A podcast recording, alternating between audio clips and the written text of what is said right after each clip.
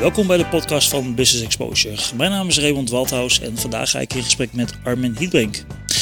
Um, ik kan natuurlijk heel veel vertellen waar we het over gaan hebben, maar ja, dan ver, verklap ik natuurlijk weer een beetje de boel.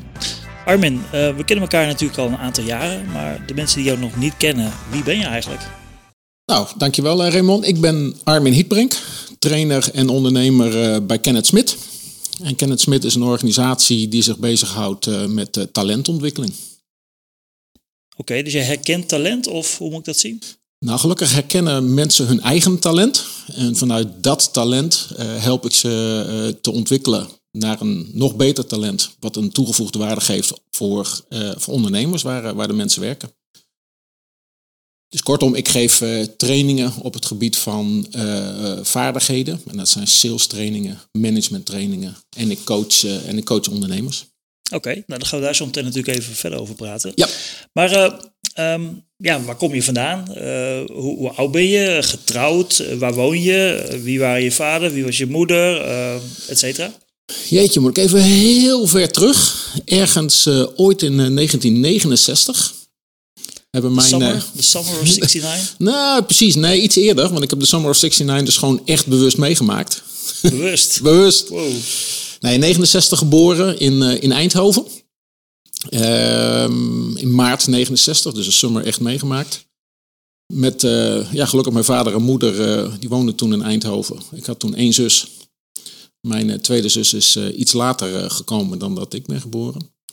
uiteindelijk zijn we verhuisd naar een plaatsje rondom, rondom Eindhoven. En op mijn negende, denk ik, ben ik verhuisd naar Noord-Nederland met mijn ouders. Mijn vader kreeg hier in Groningen een baan. En uiteindelijk zijn we met z'n allen mee verhuisd. Hoe, hoe oud was je toen? Ja, ik zit even heel wat te denken. Dat, we hadden toen klassen. En volgens mij zat ik toen in de derde klas. Is dat dan uh, acht, negen jaar? Zes, ja, denk het wel. Dat is dan groep 5, 5 ons, nee? Ja, tegenwoordig is dat groep 5. Ja, je is het andere leeftijdsgroep ja. natuurlijk. moet altijd twee bij optellen. Ja, 5. Ja, ik heb de Summer van 69 niet, nee. niet meegemaakt.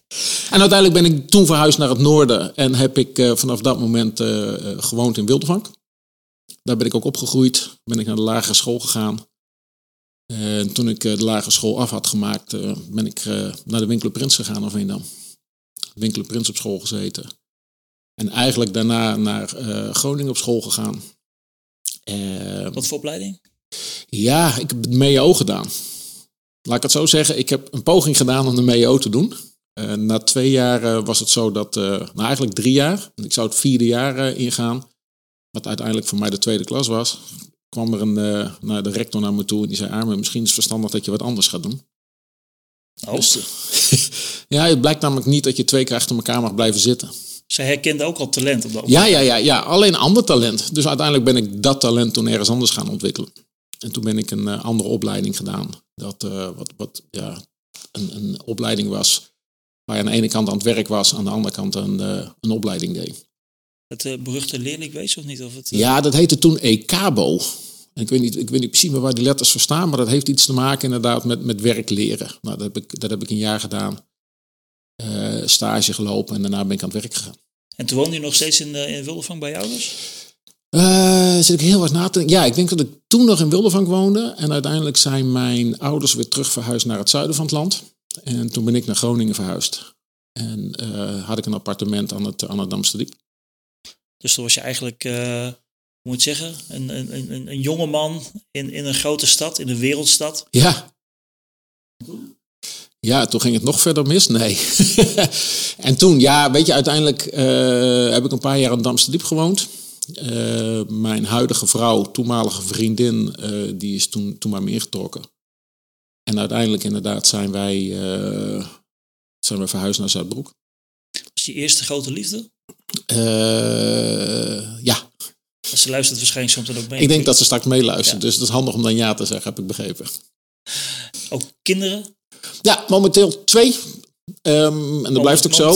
Nee, ik was je voor. Dat blijft ook zo. Ja, Max en Robin. Um, uh, Eén is klaar met zijn studie, ander is druk met zijn studie bezig. Wonen nog allebei thuis. Dus dat, uh, wij zijn lekker met z'n vieren. Nog steeds wonend in Zuidbroek. En, nog, en nog een viervoeter, geloof ik? Ja, een bruine, een bruine labrador inderdaad. Die uh, veel dynamiek, dynamiek in huis brengt. Dus dat, ja, dat maakt het leven alleen maar leuk. Ja, precies. Hey Armin, ehm, en voor mij, ik heb begrepen dat je ook best wel sportief bent, geloof ik, hè? Ja, wat is, Of best, minder. wat is best wel? Nou ja, voor mij deed je vaak mee met eh, leuke evenementen die wij ook, onge, onge- ja, ook organiseerden. Maar Ja. voor mij ook hardlopen, wielrennen, geloof ik. Ja, ja ik loop ehm, in deze periode loop ik eh, twee tot drie keer per week hard. Eh, zomers fiets ik daar ook bij, dus dan gaat er één keer hardlopen af. En dan wordt het op donderdag vaak wielrennen en op zondag op de racefiets. En deze periode, als het inderdaad eh, de blaadjes van de bomen vallen, eh, het wat vochtiger wordt eh, op de weg, dan zet ik mijn racefiets, hang ik netjes in de garage. En dan komt de mountainbike tevoorschijn. En dan gaan we lekker mountainbiken. Dat doe ik dan één keer in de week, vaak op, vaak op zondag met een groep. En dan pak ik donderdags de hardlopen er weer bij. Nog een beetje motorrijden tussendoor, had ik begrepen. Nou, dat vind ik wel een mooie vraag. Want elke keer als ik mijn voordeur open doe, dan zie ik mijn motor staan. En dan denk ik, oh ja, dat is waar ook. Dus dan, eh, ja, dit, dit jaar heel weinig motor gereden. Maar ja, op zich is dat gewoon heerlijk relaxed. Ehm, lekker door, de, door het noordelijke provincies. Ehm, en dan eigenlijk altijd de wegen pakken ja, waar je normaal met de auto niet rijdt. Een beetje het avontuur eh, opzoeken daarin. Ja. Over avontuur gesproken, hè? Zitten avonturen in je werk en hoe, hoe ben je hier zo mee begonnen? Ja, avontuur zit altijd eh, in je werk, denk ik. Eh, zeker in mijn werk. En hoe ben ik hiermee begonnen? In 2009, september 2009, eh, heb ik gesprekken gehad met eh, de organisatie Kenneth Smit. Om eens te kijken inderdaad wat, eh, wat zij konden betekenen of wat wij konden betekenen voor elkaar. Heb toen een ondernemersplan geschreven. En uiteindelijk inderdaad eind september eh, 2009 handtekeningen gezet. ingeschreven bij de Kamer van Koophandel. En een van de partners geworden bij, bij Kenneth Smit. Hoe kom je zo bij hun terecht? Hoe kom ik bij hun terecht? Dat is een mooie vraag. Uiteindelijk ben ik in eh, april 2009 heb ik eh, de sleutels van mijn auto ingeleverd bij mijn toenmalige werkgever. Wie, wie, wie? dat, was een, dat is een bedrijf eh, in Papendal. Waar ik, waar ik me bezig hield inderdaad een jaar lang met het, nou ja, het, op poten zetten van de commerciële tak. Het was een bedrijf die zich bezig hield met gezondheidsmanagement. En ik heb ook gezegd, ik ga dat een jaar voor je doen. Ehm, en na dat jaar lever ik mijn auto weer in. En dan ga ik daarna wel kijken wat ik doe. Hoe oud was je toen op dat moment? Nou, ga even zelf rekenen. Ik ben nu 52. Dat is, eh, het was in 2009. Dus ehm, Ja, het, het voordeel van vragen stellen is dat ik niet hoef na... Ja, ik moet wat nadenken natuurlijk, maar ik vind het veel leuker om jou te laten nadenken. ja, nou dan kom ik daarop terug. Ehm, Maar dus, waar- waarom heb je dan gezegd van ik doe dat maar een jaar? Eh, Was het iets dat je denkt van ik vind het op zich, ik zie het niet, niet mijn hele leven doen? Of hoe moet ik dat, eh, hoe moet ik dat zien? Waarom de bewuste keuze gemaakt heb, is dat eh, Papendal is niet om de hoek. En uiteindelijk inderdaad was het een bedrijf wat op Papendal eh, eh, zijn huisvesting had. En vanuit daaruit moest ik dus elke keer naar Zuidbroek rijden. Ik had de afspraak ook gemaakt dat ik niet elke dag daar op Papendal moest zijn. Maar toen ik mijn auto een jaar later inleverde, stond er wel meer dan 100.000 kilometer op. Ik had nog net geen slaapzak achterin liggen. Maar dat werd me af en toe wel eens verweten, inderdaad. Dus ja, dat was voor mij een reden dat ik in 2008 zei: ik ga dit een jaar doen en daarna ga ik wel kijken wat ik doe.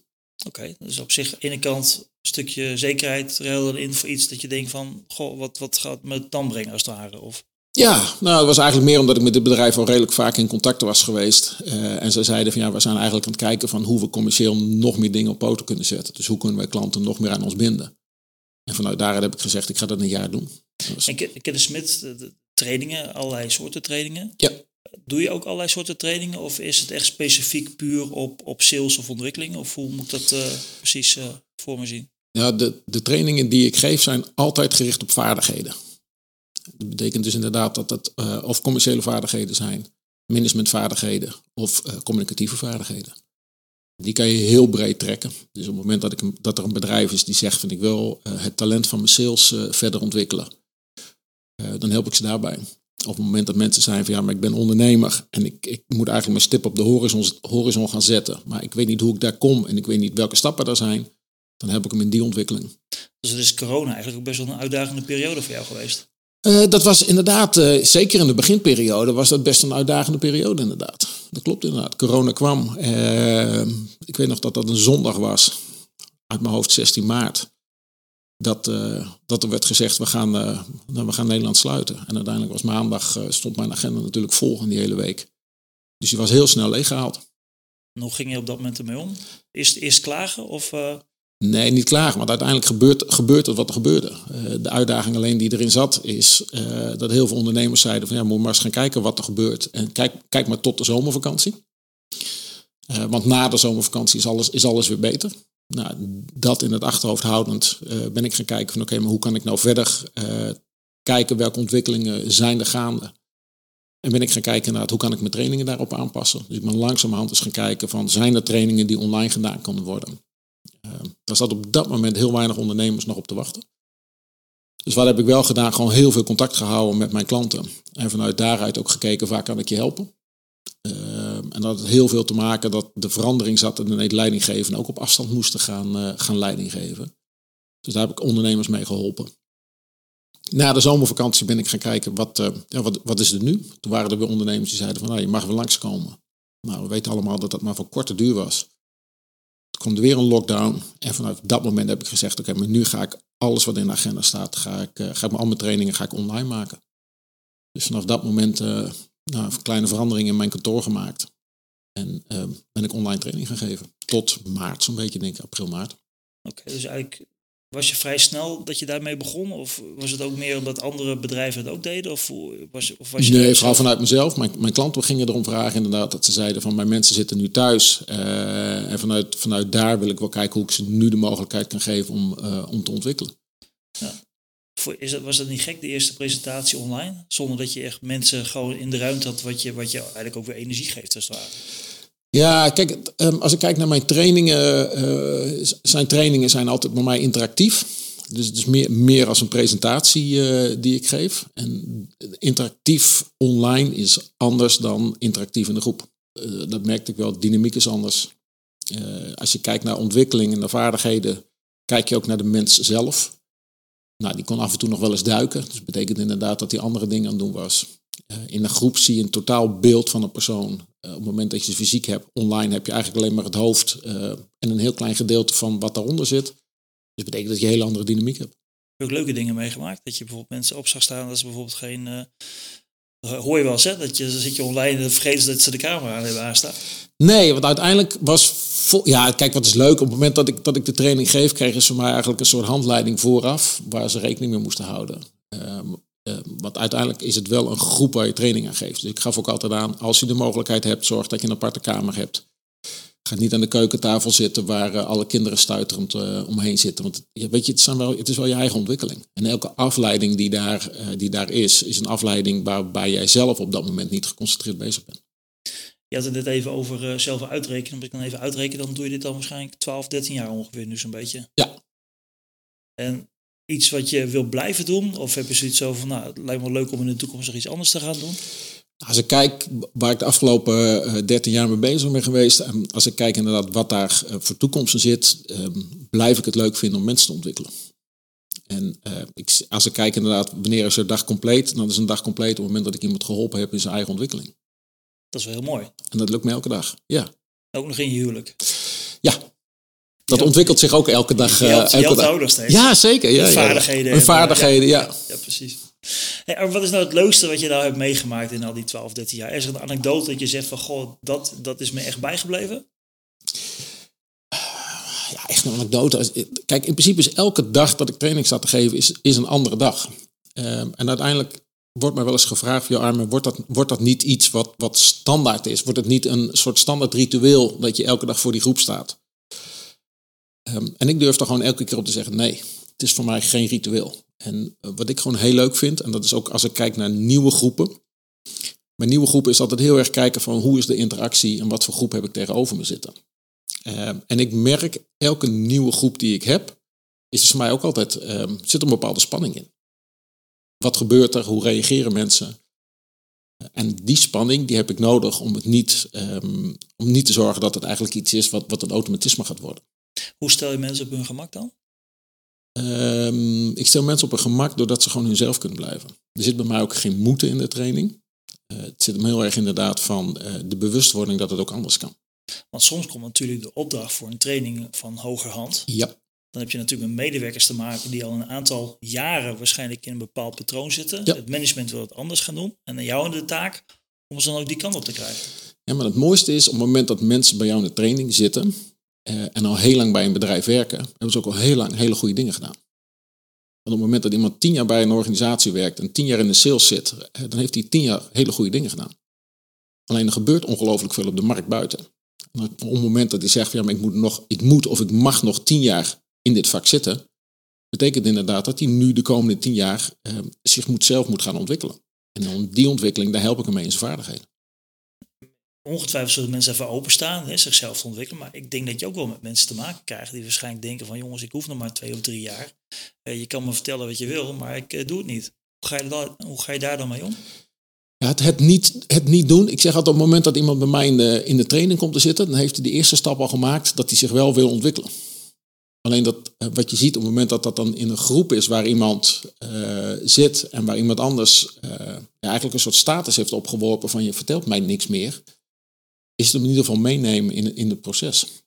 En uiteindelijk zegt iedereen, ja, ik heb er toch wel iets van meegenomen. En dan weet je, dan is mijn dag weer goed. En alles meenemen wat, wat er op een dag getraind wordt, dat, dat, ja, weet je, dat, dat, dat is utopie. En ik kan me ook wel voorstellen als je gewoon hè, fysiek lesgeeft in een groep. Dat het ook vaak wel is van hoe hou je die energie vast natuurlijk. Hè? Hoe, uh, krijg je veel feedback? Krijg je, kun je daar dan weer mee? Of is het gewoon puur uh, een, een, een, presentatie die je geeft? Uh, hoe gaat zoiets? Want het lijkt me best wel lastig af en toe. Nee, dit, kijk, ten eerste, het is geen les. Ik, ik, begin mijn training altijd van ik ben geen leraar. Dus als je naar de wc moet, hoef je niet je hand op te steken. Zeg in ieder geval even dat je wegloopt. Dat is voor mij voldoende. En op het moment dat je inderdaad zegt het is een les, dan moeten dingen. En bij mij hoeven geen dingen. Mensen moeten inzicht krijgen in zichzelf en waar ze zichzelf willen ontwikkelen. En dat is op elke persoon is dat anders. Ik train in een groep van maximaal acht personen. Dus groter zijn de groepen ook niet. En in die acht personen zie je dat er een ongelofelijke dynamiek onderling ook ontstaat. Het zijn vaak, heb ik in-company trainingen, dus dat het van bedrijven zelf allemaal collega's van elkaar zijn. En daar de eerste stappen zijn daar dat ze, dat ze zichzelf eens beter leren kennen. En op het moment dat ze zichzelf beter leren kennen, weten ze ook waarom andere mensen reageren zoals ze reageren. Zie je vaak ook uh, eventueel een aantal jaren later weer die mensen weer terug voor andere trainingen? Of is dat, is dat vaak eenmalig? Nee, het is een ontwikkeling. Um, ik vergelijk de, de combinatie maak ik altijd met sport.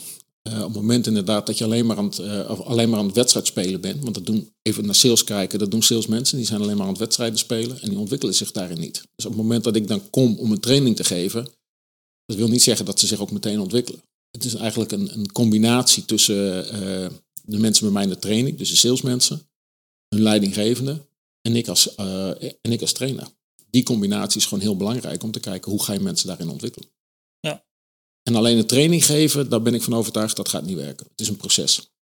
Zo mooi gezegd. Dankjewel. Ja. Maar wat is, even één dingetje, wat is nou het, het mooiste wat je is bijgebleven in al die jaren? Dat je zegt van, die persoon of die situatie, dat is echt, echt heel waardevol voor mij als persoon geweest bijvoorbeeld. Uh, wat ik heel mooi vond is dat ik, uh, moet ik even rekenen, ik denk een jaar of vier geleden had ik een, uh, had ik een jongen in de training zitten die redelijk dwars was. Die gaf constant aan inderdaad, maar dit werkt niet en dat is bij mij anders en ik zie dat niet zo. En uiteindelijk inderdaad, was een sales training. Na de tweede dag ging hij weer terug naar zijn, naar zijn manager toe inderdaad. En gaf hij ook, gaf hij ook aan van ja, maar dit werkt niet en dit is het niet. En gewoon echt, echt dwars in zijn verandering. Um, die jongen zit over twee weken weer bij mij in training.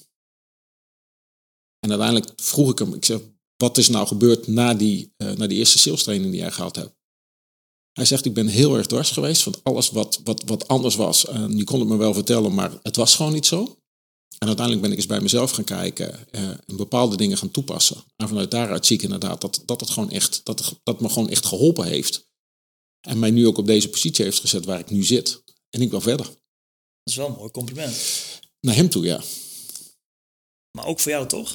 Ja, maar ik vind het voor hem vooral een compliment dat hij, dat hij zichzelf in de spiegel heeft durven kijken. En dat hij vanuit dat perspectief heeft gezegd: ja, maar het, het, zit, het, zit, het zit ook bij mij. Ik wil verder ontwikkelen. Dat betekent dat ik mezelf gewoon echt aan moet durven leren kijken. En vanuit daar ook durf te zeggen: van ja, um, als er wat moet gebeuren, moet ik het vooral bij mezelf doen. Heeft het dan ook op dat moment misschien is, is het dan gewoon puur alleen de persoon? Of is, kan het ook met leeftijd te maken hebben? Dat mensen dan wel iets of niet aannemen? Of is het lastig? Nou, het, het, is, is, het, is het een nee, het, is, het, is, ja, het kan een combinatie zijn. Uh, aan de andere kant heb ik ook mensen in de groep zitten die net van school komen. 19-jarige. En ik geloof dat de oudste die ik in de groep heb, in de training heb zitten, eh, is een 63-jarige. Nou, ik kan me voorstellen, als ik naar mezelf kijk toen ik nog jong was, ik wilde van niemand iets aannemen. Nee, dat Nu- klopt. En nu, nu doe ik niks anders. Eh, ja, nee, maar dat zie je ook wel. Weet je, daar, de, de, ehm, heel veel omgevingen veranderen daar ook in. Ehm, wat, ik, wat ik net ook aangaf, inderdaad, dat ik de MEO heb gedaan en dat me eigenlijk vriendelijk verzocht werd om wat anders te gaan doen. Eh, ja, ik herken het wel. Dat, dat was bij mij toen ook. Ja, maar wie ga, jij me nu vertellen dat ik wat anders moet gaan doen? Gaat niet gebeuren. Hoe doe je dat met je opvoeding met je kinderen dan, als ik, mag, als ik dat mag vragen? Nou, misschien moet je die een keer uitnodigen en dezelfde vraag stellen. Nou, leuk antwoorden krijgen waarschijnlijk. Eh, dat denk ik wel. Ehm, Armin, ehm, ondernemers gejaagd, druk, altijd bezig, verder, eh, verderop kijken. Ehm, ik merk voor mezelf dat ik dat ook doe. En vaak is ook gewoon de gemiste kans dat je in het hier en nu leeft. Hoe ga jij daarmee om? Ben je ook bewust van de dingen die je doet, eh, de, de momenten die je kan koesteren? Of ben je ook iemand die veel vanuit zijn hoofd weer, weer verder denkt? Ik, ehm, ik kijk heel erg, en dat is, nou, we vorige week een een bijeenkomst gehad waar dat nog weer eh, heel mooi naar boven kwam. ehm, en uiteindelijk leef je in een moment waar je nu mee bezig bent. Waar ik wel heel erg naar kijk, dat ik denk, nou weet je, dingen die, die geweest zijn, wat eigenlijk geschiedenis is, wat niet mijn sterkste vak op school was. eh, dat is zo. En ik kijk juist, en dat is ook in mijn trainingen, eh, ook in communicatie, heel erg naar dingen die wel kunnen. Ehm, en dat vind ik ook mooi. Op het moment dat ik een trainer ben, wordt er heel vaak gekeken, ja, maar dat kan niet en zus kan niet. Waar ik bij kijk, van, maar wat is nu voor nodig om het wel voor elkaar te krijgen? Cirkel van betrokkenheid, cirkel van invloed. En dat is voor mij het leven in het hier en nu. Wat, wat gebeurt er nu? Waar ben ik nu mee bezig? En uiteindelijk wel een stip op de horizon hebben. ehm, waar ik in een jaar of in een bepaalde periode naartoe wil. Maar wel vanuit het nu. Ben je rancuneus? Nee. Vergeef je dingen snel? Ja, Vergeet je ook dingen snel? Nee. Ik wordt mij wel eens gezegd dat ik heel zwart-wit ben. Eh, en dat klopt ook. Ik kan heel, ik kan heel zwart-wit zijn. Eh, aan de andere kant heb ik ook heel veel kleuren in me, waar ik, waar ik wel naar kijk. Eh, soms inderdaad, en dat is. als je kijkt inderdaad op het moment dat dingen gebeuren die je graag anders zou willen zien, kan het wel eens zijn inderdaad dat ik, dat ik anders reageer dan, ehm, dan dat de dingen wat soepeler lopen. Kom je zelf daar vaak in tegen? Ik ben me het wel bewust. Ik kom me er niet in tegen, want ik durf mezelf heel goed in de spiegel te kijken. En dan ook te zeggen, Armin, dat had je anders moeten doen. En dan Ja. kan ik erop terugkomen. Dus je luistert wel naar jezelf. Zeker. Ik heb nog een paar eh, leuke vragen om eh, even mee af te sluiten. Niet nadenken, gewoon meteen antwoorden. Je kent het waarschijnlijk wel even uit eerdere podcasts. Waarschijnlijk heb je misschien wel, eh, wel voorbereid. Want iemand die trainingen geeft, die bereidt zich waarschijnlijk vaker voor. Dus ik hoop dat ik je nog een beetje kan, kan verrassen. Dus ben je klaar voor? Jazeker. Ik begin de dag met, Wakker worden. ik word blij van. Eh, vrolijke mensen. Waar ben je bang voor? Ergens. Wat motiveert jou? Eh, mensen. Waar kunnen ze jou s'nachts voor wakker maken? Ja, vaak wel sportieve dingen. Sorry. S'nachts, ja oké. Ja, nou, hardlopen, Ja, fietsen, ja, ATB. precies. Ja, nee, Ja. oké. ja, Wat je nu doet, heb je dat altijd al willen doen? nee, Nou, welke smoes excuus heb je een bloedhekel? druk. Het is te druk. Ik heb geen tijd gehad. Wanneer heb je voor het laatst een bloemetje voor je vrouw meegenomen? Een goede vraag. Misschien als je er morgen vraagt, dat ik vandaag zou zeggen. Als jij minister-president van het land zou zijn, wat zou je dan als eerste veranderen? Eh, meer luisteren eh, naar de mensen. Echt luisteren naar de mensen wat ze zeggen. Waar ben je het meest dankbaar voor? Eh, voor de ontwikkeling die ik, die ik zelf heb mogen meemaken. En die ik nu kan overdragen aan mijn deelnemers. Dat is, dat is een mooi antwoord. Dankjewel. Jij als trainer, hoe heb ik het gedaan als, als interviewer, als podcaster? Ik denk heel goed. Heb je een beetje de goede vragen en goede antwoorden kunnen geven voor jouw gevoel? Ik heb in ieder geval goede antwoorden kunnen geven. Jij hebt goede vragen kunnen stellen. Armin, eh, we zijn bijna aan het eind gekomen van, eh, van deze podcast. Ja. Ehm, wil je nog iets, eh, iets zeggen? Heb je nog iets eh, dat je zegt van, goh, dat wil ik nog even kwijt? Nee, ik vind het leuk om zo te doen. Mooi, mooie, mooie insteek geweest inderdaad. En nee, ik vind het leuk. goede podcast geweest. Goed, Ik wens iedereen heel veel luisterplezier. Dankjewel. Nog even één reclameregel. Waar kunnen ze je vinden? Waar kunnen ze mij vinden? als ze je willen inhuren als, eh, om de vaardigheden van hun mensen of van hunzelf te verbeteren? 06 50 92 98 94. Krijgen ze mij naar de telefoon.